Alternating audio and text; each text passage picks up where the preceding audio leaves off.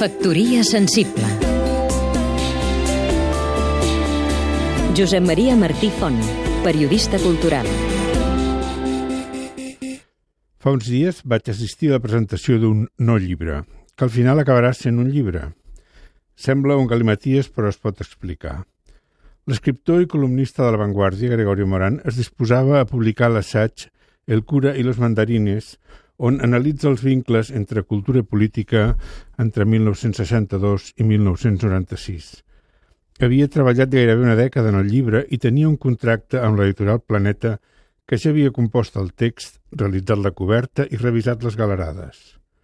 Quan la sortida era imminent, l'editorial, segons explicat el propi Moran, li va demanar que eliminés 11 pàgines, concretament un capítol dedicat a l'Acadèmia de la Llengua Espanyola, més concretament a la trajectòria del seu director Víctor García de la Concha, actual director del Cervantes.